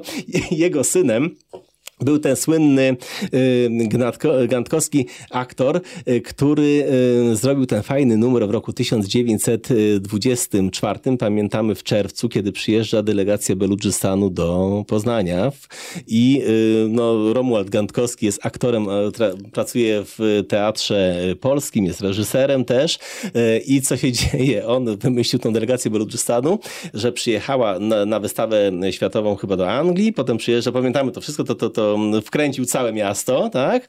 Y, On w ogóle sam był rewelacyjny, jeżeli chodzi o odgrywanie roli Judasza. No, nawet jak się na niego patrzy, to on ma coś takiego w sobie, prawda? Także nawet, y, nawet ym, no niestety, ale stała się taka rzecz, to, był, to jest rok 24, to już jest sanacja. O mało y, to się źle nie skończyło. Dlaczego? Dlatego, że Cyryl Ratajski okazuje się nie wie, co się dzieje w mieście, a wywiad i kon, Wydział Drugi, ta dwójka słynna, prawda? I to była chyba jedyna y, okazja taka, że wyprowadzili y, Ratajskiego z równowagi, że on się wściekł po prostu, prawda? No bo to, to groziło strasznymi konsekwencjami, jak już z Warszawy policja dzwoni, co się dzieje, co to za ludzie, prawda? Taka delegacja, ten, nie? No i, no i wtedy właśnie Ratajski y, do, do profesora, to był chyba profesor Lisowski wtedy, bo to był następca, bo było dwóch rektorów w 24 roku na uniwersytecie i to chyba był jeszcze, jeszcze Lisowski. Ratajski z kategorycznym żądaniem, żeby wyrzucić tych studentów ze studiów, bo byli studenci pierwszego roku, bo nikt ich nie mógł znać, więc nawet rektor się nabrał. A rektor mówi, a w życiu, ja takiego numeru to w życiu nie widziałem, prawda? I, i spokojnie skończyli studia. Ale Dla- przypomnij pokrótce, o co chodziło z Beludżystanem. Beludżystan. Jest taka, no w ogóle jest taka prowincja Beludżystan, prawda? W, to jest y, centralna Azja, tak? No ale kiedyś ludzie tak nie, to jest niedaleko, to jest obok Afganistanu. I co się dzieje? Brzmi profesjonalnie. Bzy, tak jest. Ym, Gantkowski wymyślił sobie, on, on był taki zgrywus, on czasami wywalał taki numer, y, wymyślił sobie, że przyjedzie delegacja y, orientalnie ubranych ludzi, którzy zwiedzą miasto, prawda? Pogadał ze swoim ch- takim znajomym, który był dystrybutorem samochodów, prawda? Załatwiono e, limuzynę Berlieta, bardzo elegancką, no i w pewnym momencie dzieje się tak, że zajeżdża ta limuzyna, wysiadają na dworzec główny, tam szef policji poznańskiej ze szpadą w białych rękawiczkach, mamy czerwiec, jest gorąco, wszystko na ostatni guzik, oni wychodzą, oni się kłaniają, prawda? A Gantkowski tam przez telefon y, mówi, na przykład dzwoni do swojego znajomego y, w operze i mówi, słuchaj, a chodź tak sobie dzisiaj na piwo pójdziemy, a ty, głowy nie zawracaj, my szukamy hymnu Beludżystanu, nikt tego nie ma i takie tam historie, prawda? Wita ich właśnie rektor i senat, y, witają ich uroczyście w Sobolach, no bo to przyjechał książę, ze swoją świtą i z takim specjalnym y, tłumaczem, takim sekretarzem, to jeden z tych studentów go odgrywał, bo wybrano takich ciemnych, przystojnych, prawda, takich o orientalnej urodzie. Jeżdżą po tym Poznaniu, mają w bazarze tam potem sobie odpocząć. Najlepszy fotograf poznański w tych girlandach ich tam fotografuje. Ja szukałem tego zdjęcia, nie ma, on pewnie ze wstydu to wziął i zniszczył. No i co się okazuje? Okazuje się, że zaczyna się dym, prawda? No bo policja nie wie, co się dzieje. Za prawda? daleko zabrnęło. Za, za daleko ten, ci się, ale kamienna twarz, prawda? Nic tego. I w pewnym momencie Gantkowski mówi, dobra, dosyć tego cyrku. Oni się muszą przejechać yy, trochę poza miasto, przewie, taka ładna okolica sobie zobaczą. Oni wrócą wieczorem do tego hotelu, prawda, na, na tą imprezę, na to, do, do, do, tej, do tej opery i tak dalej, nie? I dają drapaka i się rozpływają w, w powietrzu. On ich ucharakteryzował. Przecież on był y, też reżyserem Gantkowski, tak? Ubrał ich w te, te y, wszystkie takie y, rekwizyty teatralne. Oni tam się jakimś dziwnym językiem posługiwali, tak? Ale y, rozmawiali, y, zdaje się, po francusku z rektorem, tak? no bo żeby się dostać na studia, to kiedyś było ten, a rektor, a to nie był angielski, tylko wtedy się, także można się było z nimi porozumieć i rozpłynęli się w powietrze. Dopiero potem to wyszło, całe miasto się śmiało, prawda? No, za wyjątkiem władz, no, co, co zrobił Ratajski, to już mówiłem. No ci w tak? białych rękawiczkach się To nie się nie śmiali, no ale to było cudo. Ale jaka, jaka to jest inteligencja? Przy czym Gantkowski nie zrobił tego y, nie, on tego sam nie wymyślił. Kilkanaście czy kilka lat wcześniej w Anglii był podobny numer, ale to było specjalnie. Grupa takich inteligentów, pisarzy i tak dalej, w takim klubie intelektualistów zgromadzonych chciała pokazać, jak dziurawy jest wywiad i kontrwywiad brytyjski i przyjechała, oni chyba delegację z Afryki odegrali, prawda? Na, weszli na jeden z największych pancerników brytyjskich, prawda? Mogli dokonać zamachu, tak? Też byli tak ubrani, po jakimś tam dziwnym językiem się posługiwali, a jedną z uczestniczek ucharakteryzowanych na mężczyznę była Virginia Woolf wtedy, nie? Także on tu się tutaj, prawda, w ten. I, to, i takiego syna miał profesor Gantkowski. Sprawdzili, czy zadziała w Polsce. Czy za, I zadziałało, ale zadziałało. ja, ja podejrzewam, no teraz niedawno był, był taki była taka y, sytuacja, że y, w Anglii y, naprzeciwko prawda, MI6 Rosjanie, wywiad rosyjski ma apartament. Także co robi James Bond w tym momencie? Chyba przysnął, tak? Ten, to, no, no, jakoś do tam polskiego trzeba... prezydenta też dzwonili Rosjanie. Też, no, ale, jak, ale też, no, no mówię, jakie, to, no, to jest cudo, prawda? To, to, jakie to trzeba mieć nerwy, tak? No, żeby się nie śmiać. To nawet nie o to chodzi, żeby się denerwować, prawda? Ale to chodzi o to, żeby się, żeby się nie roześmiać w pewnym momencie w żywe oczy. No, no bo to jest jest, to, to, to też świadczy o tym, jakie poczucie humoru, ile trzeba, ile trzeba umieć, prawda? Jacy inteligentni ludzie. Y, inny przykład, prawda, też z Poznania, co prawda tutaj nie, nie leży pochowany, ale mm, pamiętamy taką sytuację, inny adwokat, tak, który raz w życiu wygrał sprawę i rzucił adwokaturę. Następna sprawa, prawda? Y, człowiek kupuje, o co jest sprawa sądowa? Człowiek kupuje obraz, Człowiek kupuje obraz y, i y, dzieje się taka rzecz, że oddaje go do renowacji. Renowator zepsuł robotę, sprawa sądowa, pieniądze i tak dalej. I ten młody adwokat to wygrywa. Jak zobaczył, co to był za obraz, to się po prostu y, wziął i się załamał, rzucił adwokaturę, został dziennikarzem muzycznym, nazywał się Jerzy Waldorf, prawda? I ten Jerzy, a propos tego, ile trzeba po, tego, w czasie II wojny światowej zostaje w Warszawie zatrzymany, chodzili i ratowali zbiory, ratowali obrazy. W czasie łapanki przez, zostaje przez patrol niemiecki zatrzymany bo się chciał z kotła wyrwać. E, oficer mówi, pan jest Niemcem. Nie, proszę pana, jestem Polakiem. A świetnie pan mówi po niemiecku. Proszę pana, po francusku i angielsku to mówię znacznie lepiej. Nie? To byli tacy ludzie. Dostać się na uniwersytet wtedy, nie? To, to, to było coś, nie? Nawet na rolnictwo, czy na coś. To, to naprawdę, to, to, to była ta klasa, ta klasa ludzi, nie? To, to, to, co mówi profesor Starowiejski, popatrzcie tylko na to i powiedz, czyśmy nie zdziczeli, nie? No. I tacy ludzie właśnie leżą na y, cmentarzu zasłużonych Wielkopolan. Przecież wszyscy ci lekarze, którzy tam y, leżą, oni studiowali filozofię. Tak? Także jak się czyta na przykład te rady i porady starego lekarza dla nielekarzy, to jest, to, to, to tam są też takie myśli filozoficzne troszeczkę w tym wszystkim zawarte, nie? I, i rolnicy i to wszystko, także to jest, to jest właśnie taka, y, taka ciekawostka i tacy ludzie są właśnie pochowani na tym cmentarzu. My wychodzimy kawałeczek dalej sobie i y, widzimy, y, jest taki nowy grup po drodze profesora Zakrzewskiego. Profesor Zakrzewski niedawno zmarł zresztą, tak na dobrą sprawę, ekonomista, ale on napisał jak gdyby kontynuację y, tego przechadzek po mieście ulicami mojego Poznania. I znowu trzeba rozbierać to w tym momencie z tego całego, yy, no, z tej naleciałości, bo on używa z kolei y, u nazw ulic typu Czerwonej Armii, nie? Albo Walki Młodych, tak? Czyli tutaj nie ma... Nie no, ma trzeba tłumaczyć na współczesny. Na, na, na współczesny, nie? I też, no, no fantastycznie, no, z takimi detalami, no czasami, czasami to jest taka dosyć gruba, gruba książka, no ale jakie to jest, jakie to jest fajne, fajnie też, że ta tam leży. No i idąc kawałek dalej do, y, do wyjścia, bo my się zbliżamy już powolutku do wyjścia, y, jest taka sytuacja, że y, leży, że leży Roger Sławski, nie? Roger Sławski, nie Roger Sławski. Zobaczmy, że y, wtedy nazywano, nadawano to imię Roger na cześć Rogera, króla Sycylii, bo on był taki waleczny, prawda? Karol Szymanowski napisał król, operę Król Roger. Jak daje, y, y, Szymanowski do Radia Praga wywiad, to nawet król Rogier, bo on tam, prawda, był tak tereny wschodnie, tak le, lekko, lekko zaciągał. Roger Sławski, bardzo zdolny architekt, prawda, że brat zresztą tej, y, już mówiliśmy,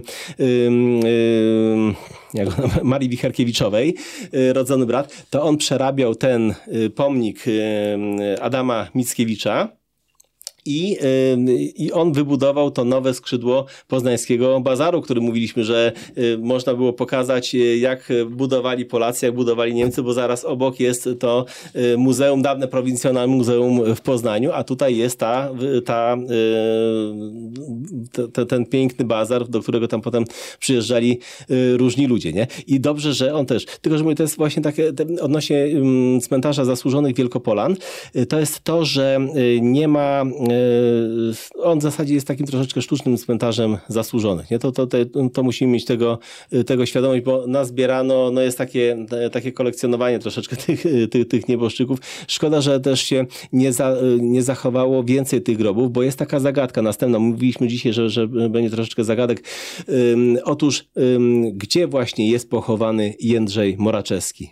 On, on umarł, on się czymś zaraził, bo wysoka gorączka, w zasadzie nagła śmierć i był taki, był taki, taka wzmianka w starszych tych przewodnikach po cmentarzu, że on jest pochowany na cmentarzu zasłużonych Wielkopolan, ale grup jest nieoznaczony. Gdzie on był wskazywany? Właśnie w tym takim fyrtlu, y, jak to się ładnie mówi, pomiędzy tymi nauczycielkami, a lekarzami gdzieś tutaj na górze. Nie? Teoretycznie tam. Inna wzmianka mówi, że on gdzieś na gościnnych występach u kogoś był pochowany i że obok niego leży Bibiana Moraczewska. To jest raczej nieprawda, dlatego że Moraczewska y, była pochowana w grobowcu rodzinnym w miejscowości Sobota obok swojej matki, nie? Czyli następna rzecz, gdzie, gdzie ci ludzie są, prawda? Gdzie oni się podzieli, tak? Nie, nie, nie mamy tego, nie ma tamtego, nie ma, gdzie ten yy, Karl Schneider chociażby, tak?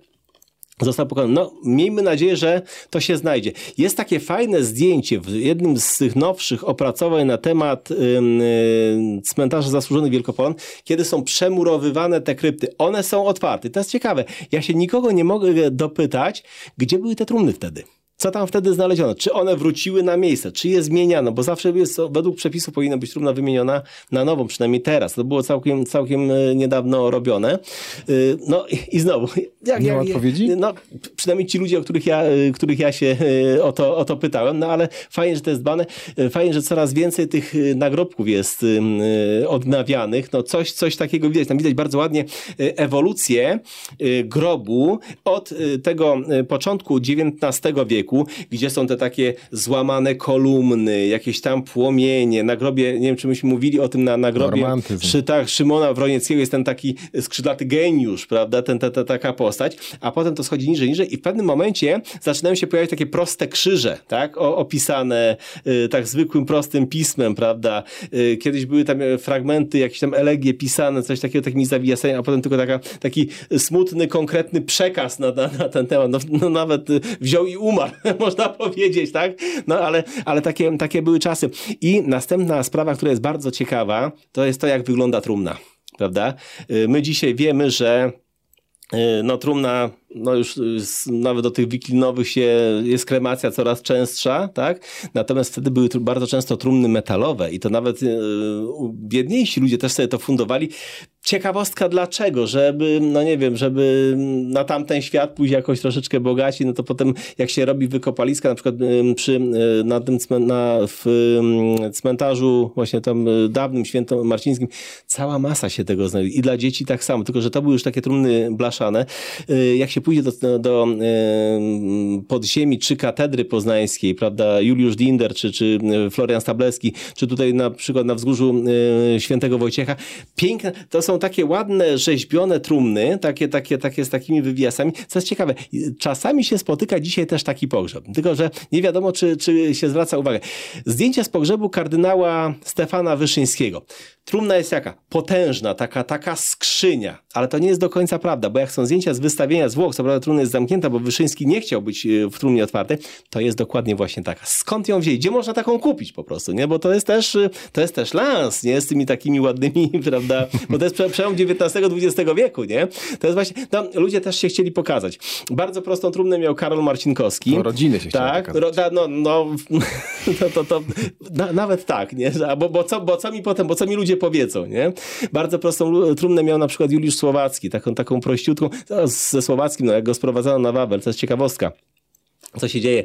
Yy, grabarze, jak go chcieli wyjąć z grobu, kopią, kopią, kopią, kopią, kopią, kopią, zeszli po, nie ma słowackiego. Jakiś tam, ten, tam we Francji jest tak potwornie kwaśna ziemia, że jak zaczęto w tym rumoszu szukać, tam się, tam się nawet kości roz, yy, rozpuszczają, więc znaleziono ze słowackiego czaszkę z włosami, co jest ciekawe, jedną długą kość, trochę mniejszych kości i jedną białą skarpetkę.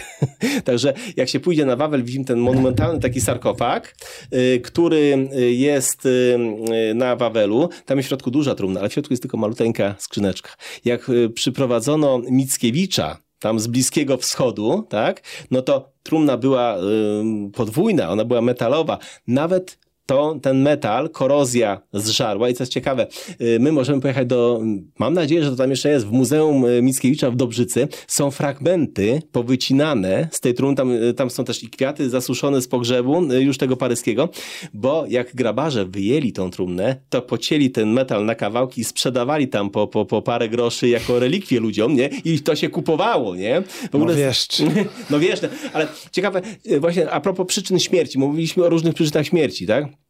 Mickiewicz do Wielkopolski przyjeżdżał yy, i yy, on prawdopodobnie nie umarł na cholerę. Ciekawostka, my w tej chwili wychodzimy, prawda, z, yy, już z cmentarza zasłużonych Wielkopolny, odwracamy się i patrzymy. I tu jest sensacja taka na skalę międzynarodową. Otóż w XIX wieku... Która to już sensacja? No, nie jedna.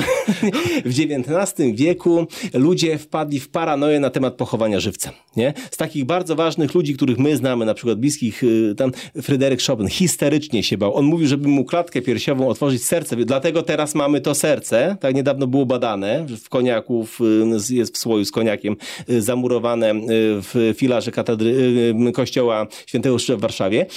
Ale kiedy w Poznaniu jest na przykład ta, ta kulminacja? Kiedy zaczyna się budowa fortu Winiary? Zaczyna się budowa fortu Winiary i dwie wsie, Winiary i Bonin, są likwidowane łącznie z cmentarzami i się zaczyna cyrk. Bo się okazuje, że ten zmarł, a to na boku, albo podkurczone nogi, no pewnie I zaczęła się po... panika. I zaczęła się panika. My dzisiaj na temat tego, tej mechaniki, tego rozkładu wiemy bardzo dużo. Te słynne strupie farmy w Stanach Zjednoczonych, które są na, na, przez y, anatomopatologów na, na y, rzecz policji prowadzone, prawda, żeby potem określić y, czas zgonu. Wtedy się tego bano. Więc była cała masa różnych wynalazków typu trumny ratunkowe chociażby, tak? Były takie, że no jedni budowali tak, że był dostęp powietrza, mógł dać znać, prawda, nieboszczyk, jak się ocknął. Y, były takie, które powoda- pomagały się zabić człowiekowi w trumnie. To też mniej się o tym mówi, ale w Poznaniu powstaje dom dla zajmanych właśnie tutaj, gdzieś w tej okolicy, na tym cmentarzu. Dla zajmanych, czyli dla tych, którzy ulegli zajmaniu, prawda? Czyli le- byli w letargu, pogrążeni. Dom dla nie do końca umarłych. Kto jest inicjatorem? I to jest jego pomysł. Hrabia Edward Raczyński ten hrabia Edward Raczyński od biblioteki, od tych wszystkich inwestycji, od wodociągów i tak dalej, nie? On już nie dożył, prawda, bo został zahejtowany znowu za tą słynną rzeźbę Mieszka I Bolesława Chrobrego. Kto go tak załatwił? Y, dawał pieniądze na to wszystko, a Pantalejmon Schumann, notabene y, ten, który zasponsorował studia Karolowi Libeltowi, mówi złodzieju oddaj pieniądze i takie tam historie. I on wtedy, Raczyński, idzie wtedy po mostku na jezioro Raczyńskie i tam sobie odstrzelił głowę z takiej małej armatki, prawda? Więc jego syn, Roger Raczyński dokańcza to. Buduje ten dom i jak ten dom był zbudowany. Nie wiemy gdzie. Prawdopodobnie nie na tym e, takim e, spłachetku łąki, gdzie, e, bo tam był cmentarz już choleryczny, ale no gdzieś może tutaj przy wejściu. Dwa pomieszczenia rozdzielone były mieszkaniem stróża. I teraz tak, jedno pomieszczenie było dla mężczyzn, a drugie było dla kobiet, prawda? No nawet w takiej sytuacji, to jest ciekawostka, no ja tak trochę, może takie nie na miejscu żart, no ale tak sobie pomyślałem teraz, że a gdyby tak y, ktoś przyłapał panią nieboszczkę inflagranti z panem nieboszczykiem, jakiś to byłby dowód na istnienie życia po śmierci, prawda? To od no. razu y, pielgrzymki by się zaczęły, pieniądze by były, na ten nowy płot by było dookoła, nawet nie wiem, jakąś tam y, dach by zrobili na to jest w sumie niecałe dwa hektary, no, także... bylibyśmy kolejną sensacją to, to, to, by było, to by było dopiero coś, prawda? Ale nic takiego się nie stało. Ale jak, jak, jak, jak to miało działać? To miało działać na takiej zasadzie, że w tych y, pomieszczeniach były takie postumenty, takie o trzech schodkach. Leżało coś w rodzaju takiego płytkiego kosza, tak jak teraz są te trumny do kremacji y, z wikliny i tam kładziono y, nieboszczyka w bieliźnie, przykrywano go czymś w rodzaju takiego tiulu, dawano mu na palec, na palce u rąk i nóg cienkie sznureczki, były dzwoneczki na końcu. Tak? I teraz ten stróż, który tam był 24 godziny na dobę, bo hrabia Raczyński przeznaczył pieniądze na to właśnie taką fundację, żeby była wypłata dla niego. Teraz sobie mieszkaj z tymi nieboszczykami i w tym momencie, kiedy któryś tam by jak dźwięknął, zadzwoni? jak zadzwoni, co się robi, to wtedy była cała procedura reanimacyjna opracowana, sprowadzona z niej, dlatego że w Halle na przykład był taki dom, prawda, y, między innymi, nie tylko w innych miastach tak samo. Hrabia Raczyński się skontaktował, tak? Karol Libel przetłumaczył instrukcję i opracował, co trzeba robić, a doktor Gąsiorowski był lekarzem nadzorcą tego wszystkiego. I co się trzeba było zrobić? Trzeba było przeprowadzić masaż klatki piersiowej na, natrzeć klatkę piersiową terpentyną, a naftę wpuścić na język i wezwać lekarza, prawda, gdyby coś. I tylko nic takiego się nie stało. Cały Nikt nigdy nie zadzwonił. nie, nikt nigdy nie zadzwonił z tamtego. No cały biznes diabli wzięli. Nie mamy tego płotu, prawda, było trzeba finansować inaczej, ani nic takiego, prawda, no nie, no jakoś, jakoś tak się stało dziwacznie, nie, że no szkoda. W końcu po kilku latach, jak już się nic nie stało, ludzie trochę ochłonęli, no też, też się mądrzeje. W ogóle weszły inne, inne zasady. Ym, Orzekania śmierci. y, Po, tak, no y, raz, że y, no kremacji wtedy nie było, nie, ale zaczęto balsamowanie, więc jak wprowadzono komuś serca wyjmowano na przykład, no i Zależy jaka społeczność. Na przykład czekano na pierwsze e, oznaki rozkładu. Te słynne 72 godziny. To się organizm zmienia. I to już nikt nie był taki, że, że tam się e, ten, Żydzi na przykład, żeby tam zniwelować te, te, te skutki, ten zapach i tak dalej, y, drobno zmieloną kawę na, kładli na spodeczku obok nieboszczyka. No, oni mieli w ogóle problem, bo musieli być na cmentarzu na Kirkucie pochowani, nie wszędzie był, tak? Więc jak to się, no, to musieli to jakoś opanować. Teraz wiemy, jak to się dzieje, więc naprawdę no nie ma problemu, nikt, nikt się nie podniesie. No, zresztą jest kremacja, no to ja- jakim cudem, prawda? To Chyba, się... że biznes z nieumarłymi w No chyba, nie wypalił. no chyba, że tak, prawda? Chyba, że tak coś takiego. No i, i a propos właśnie takich ciekawostek, to nie jest jedyny ciekawy cmentarz w tym miejscu. Myśmy już sobie wyszli, idziemy sobie w kierunku Cytadeli i co jest ciekawe, Fort Winiary, Cytadela Poznańska, największy fort artyleryjski w Europie, 100 hektarów powierzchni. Tam kiedyś wyglądało inaczej, tam nie było lasu, no bo tam musiał być, y, tam trzeba było daleko widzieć, ale na stokach czegoś, co jest potencjalnie narażone na atak, jest zakłada się cmentarze. I tam był tymczasowo pochowany taki pan generał, który się Gneisenau nazywał. Pamiętamy nazwę, nam się kojarzy z tym słynnym pancernikiem, prawda? Ale były dwa takie. Pierwszy był w czasie I wojny światowej zatapiony w trakcie kampanii falklandzkiej przez Brytyjczyków. Potem ten słynny, duży, który został zatopiony u wejścia portu do Gdyni. Jeszcze go cięto w 50 latach, tak? I on był tutaj w Poznaniu, przyjechał ze swoimi żołnierzami. Czemu? Jest rok 1831, dzieje się za granicą, jest powstanie. Nie wiadomo, co będzie. Więc pruscy y, rządzący wysyłają właśnie jego, prawda? To był reformator armii, to był, to był geniusz, prawda? Tutaj ze swoimi żołnierzami i on mieszka w Poznaniu przez pewien czas. Jest epidemia cholery. Mówiliśmy o tym roku 1831, sierpniu, tak? jak już się zaczyna zaludniać ta, ta łączka, tak? on wtedy umiera y, w hotelu wiedeńskim. On, ten, ten hotel się znajdował też na dzisiejszym placu, y, no placu Piotra, plac y, Wiosny Ludów i on został pochowany w prowizorycznym grobowcu na stoku Cytadeli. Dokładnie nie wiemy gdzie. Nie możemy pokazać dokładnie tego miejsca, ale to jest właśnie pomiędzy wzgórzem świętego Wojciecha, tak? A gdzieś tutaj tą y, w prawą stronę, jak, jak się idzie, gdzieś on tam był. To był prosty grobowiec, przeznaczony specjalnie na te tymczasowy spoczynek, bo on teraz jest w Niemczech pochowany. Jak już przeszła epidemia, upewniono się, tam pewnie ta trumna też była metalowa, zalutowana, żeby się tam coś nie stało żeby go jego wywieziono. Kawałek dalej, po drugiej stronie, y, jakbyśmy się przeszli, Mamy ten cmentarz wspólnoty brytyjskiej i tam był inny ważny y, człowiek pochowany. Tam był pochowany Karl von Grollmann, czyli ten, który tutaj pół życia przeżył i on był pomysłodawcą budowy twierdzy poznańskiej. Został uhonorowany pochówkiem właśnie tam. Bardzo długo ten grób się y, przechował, kilkadziesiąt lat i zostaje zniszczony w czasie II wojny światowej, w czasie walk o Poznań. Ale to jest ciekawe, bo jest powiedziane, że został zniszczony. Czyli tak by go tam pocisk trafił, bomba spadła, coś takiego. Tymczasem jego nagrobek jest, bo to jest taki sześcian z kamienia. tak? I my go możemy zobaczyć, jak sobie idziemy na Cytadelę, przy jednej z alejek, on stoi. Tak? Tam kiedyś była chyba nazwa Aleje Braterstwa Broni, czy coś takiego został wykorzystany. Zauważmy jedną rzecz. Tam są skute napisy i ten Grolman, i ta nazwa y, tej, tej alei, chyba Braterstwa Broni, ale on jest, on ma ostre krawędzie. Tam żadnego wybuchu nie było. Prawdopodobnie czerwonoarmiści, jak zobaczyli, co to jest, to splądrowali to. No to, to, to, to było bardzo, bardzo powszechne, nie? Szkoda, nie? Taki, no bo to była ogromna postać. Ona była y, przez Niemców y, za takie bóstwo u- uważana za takiego reformatora armii, następny, prawda? A pomiędzy tym, y, jednym i drugim tym, znajduje się mały cmentarzyk, bardzo taki ciekawy. On ma hektar 30, jest potwornie zaniedbany. To jest cmentarz parafii świętego Wojciecha leżą wybitni ludzie. Tak samo, tak jak tu. Tylko, że oni już tam byli pochowani. Leży na przykład rodzina Juraszów, prawda? Dwóch y, lekarzy, prawda? Ojciec i syn. Y, chyba Antoni Jurasz bodajże. To w tej chwili tak y, myślę nad, nad, nad imieniem. Ojciec był otolaryngologiem i był wynalazcą, prawda?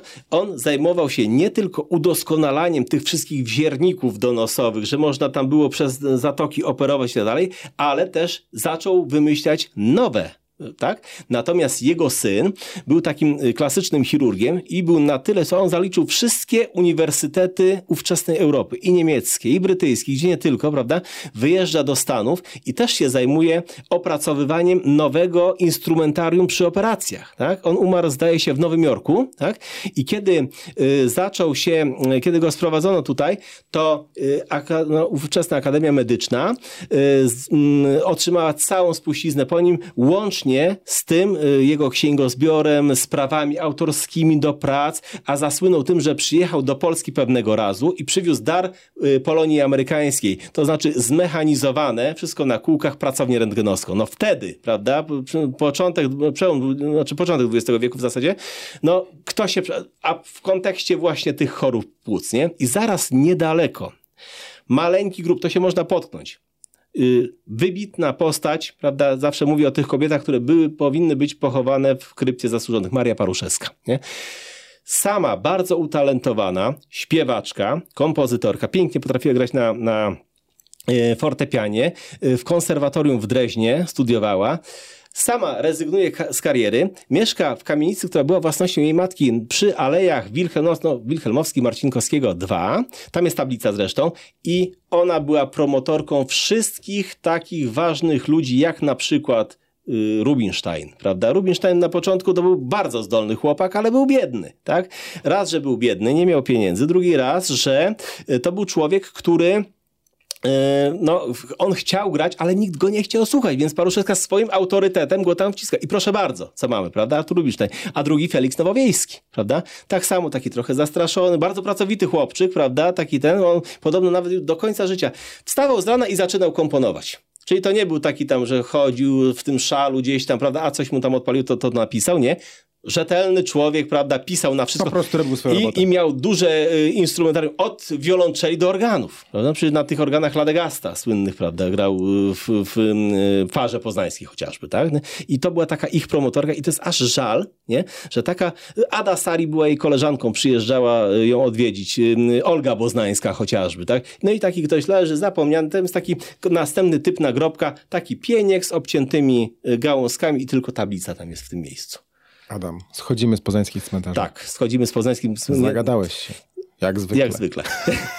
To teraz Ja będzie wiem, co? że się rozgrzewasz coraz bardziej. Na dzisiaj kończymy. Idziemy, I gdzie kończymy? Sylwester będzie, prawda? No. To idziemy do bazaru na Sylwestra, tam była rewelacyjna restauracja i sala balowa. Gdzie mamy iść na Brzmi świetnie. Tak jest, to idziemy na Sylwestra do bazaru poznańskiego. Okej, siadamy w bazarze. Tak. Siadam ja, siada po drugiej stronie Adam Biernacki, przewodnik po Poznaniu z koła PTTK imienia Marcelego Mottego i, i no i siedzimy tutaj. No siedzimy, po, może przyjdą. potańczymy, tam jest taka ładna sala balowa, tam potańczymy. w Poznaniu Może, produkowali dużo, więc y, napijemy może, się. ale tam też do tego bazaru przyjeżdżali bardzo ciekawi ludzie i przywozili z zagranicy różne takie plotki konspiracyjne i takie nieprawowierne również. Zapowiada Tak, się Coś świetnie. się dowiemy. Zapowiada się świetnie, dziękuję, do usłyszenia. Proszę to już będzie za chwilę szósty odcinek, bo ten był piąty. Miejmy nadzieję. Będzie. Pozdrawiam wszystkich bardzo serdecznie.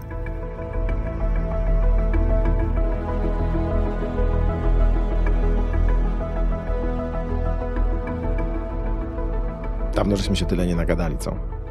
To ja już będę milczał? Nie, no. Niedoczekanie. No. Zrobiliśmy tutaj debatę na temat telewizji. No to była rozgrzewka przed Twojej przyszłości trochę żeśmy zahaczyli o twoją przyszłość niepewną. Ej tam, ej tam. Wiemy jedno. W poniedziałek, jeżeli y, piorun nas nie trafi, Tak. bo to Krawat nie udusi. krawat nie udusi, tramwaj nie przejedzie, e, to w poniedziałek słyszymy się z Państwem znowu. Wiemy, o czym będzie ten odcinek poniedziałkowy, Absolutnie polecamy wam odcinek Bo e, bo z to- 1 stycznia. bo tym razem e, naszymi rozmówcami będą E, Michał Czajka. i Leszek Waligura. Odwrotnie powinniśmy powiedzieć. No, powinniśmy. Czyli rozmówcami naszymi będą. Mi, Michał Czajka. I Leszek Waligura. Teraz jest tak, jak trzeba. Tak jest. I będą się pytać nawzajem i wymądrzać? Nie, trochę ciekawych pań- rzeczy Państwu z zakulis zdradzimy. Cofniemy się w czasie. Do Co? marca i do e, nawet maja zeszłego roku. Do marca, maja. No, I przelecimy przez 2022. e, 69 odcinków. W przyszłym Dwa. Tak, to, No to, tak. to, to już No tak, tak, w tak. poniedziałek to już będzie dwa lata temu. Pięknie, to brzmi. E, Przelecimy się przez całą naszą historię, bardzo bogatą, e, ale dosyć krótką. Chociaż, jak wiemy ze statystyk, niewiele podcastów To jest, to jest dochodzi do statystyk tego odcinka, powiem Ci, niektóre gazety nie zrobiły tyle rozmów, I całe szczęście. ile, ile my. To prawda. I może e, nawet niektóre myślę, że nie miały tylu widzów i słuchaczy, co my. A, a niektóre radia nie mają tyle słuchaczy, co my. I wszystko przy tym naszym budżecie. Wszystko przed nami. Przed nami. To tak trzeba było wspomnieć o budżecie. No, e, nasz trzeci kolega dołączył niedawno, więc to jakby na niego zrzucamy to wszystko. Spokojnie. Ja jestem spokojny. Na kawę na razie starcza. 2024 rok będzie lepszy. No, tak? tak, wyłącznie. Przyjmujemy taką wersję. E, Braliśmy rozpęd. e, Okazuje się, że rozmówców nam nie brakuje. Przybywa. Do niektórych gości będziemy wracać.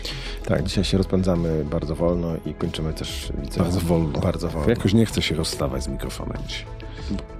Bo to by oznaczało, że kończymy ten rok. No ale kończymy. Ale dobra, koń, skończmy go. No to proszę Państwa, szampańskie zabawy. Nic mi się dzisiaj, jakoś źle mi się mówi, nic mi się dzisiaj nie układa, Bo więc... Michał już e, rozpoczął świętowanie. Tak, nie wiem, tak. Bąbelki? Nie, no. Wypracy, Państwa. Zawsze byłem, znaczy nie, Sylwestry. jakimś rady się zdarzyli na pruci jak Messerschmitt Ale to jeszcze nie. Sylwester. No to nie my, no. nie, my nie, my nie. My tu całkowicie odpowiadamy za siebie nawzajem i pilnujemy się, żeby to nie było y, tak źle, jak jest teraz. Cokolwiek miało znaczyć. Ale dobra, zamykamy. Możemy. Raz na jakiś czas możemy poględzić i to jest ten ostatni odcinek w tym roku. Poględziliśmy już chyba tyle, że wystarczy, co? Tak, koniec. No, język mi się plącze, ty na mnie patrzysz z wyrzutem, że Proszę Państwa, mówi mówili, być zły mówili PR. cicho. Wszyscy wiedzą, kto mówił. Wiemy. No Ale dobrze. powtórzmy. A, I to powiemy, kto milczał. Milczał e, Patronite. Patronite. O, chórem. Dziękujemy Państwu bardzo. To był świetny rok. 2023. Zapraszamy na 2024. Kończy się świetnie i przyszły się świetnie zacznie. Będzie jeszcze lepszy. E, Mówili do Państwa ci, którzy mówią do Państwa od początku marca 2023 roku, czyli Leszek Waligura. i Michał Czajka. Do usłyszenia w poniedziałek w 2024 roku. Do usłyszenia.